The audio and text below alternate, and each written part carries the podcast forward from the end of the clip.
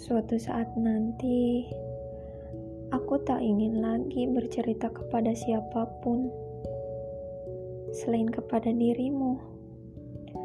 Aku harap nanti kita bisa bekerja sama, ya.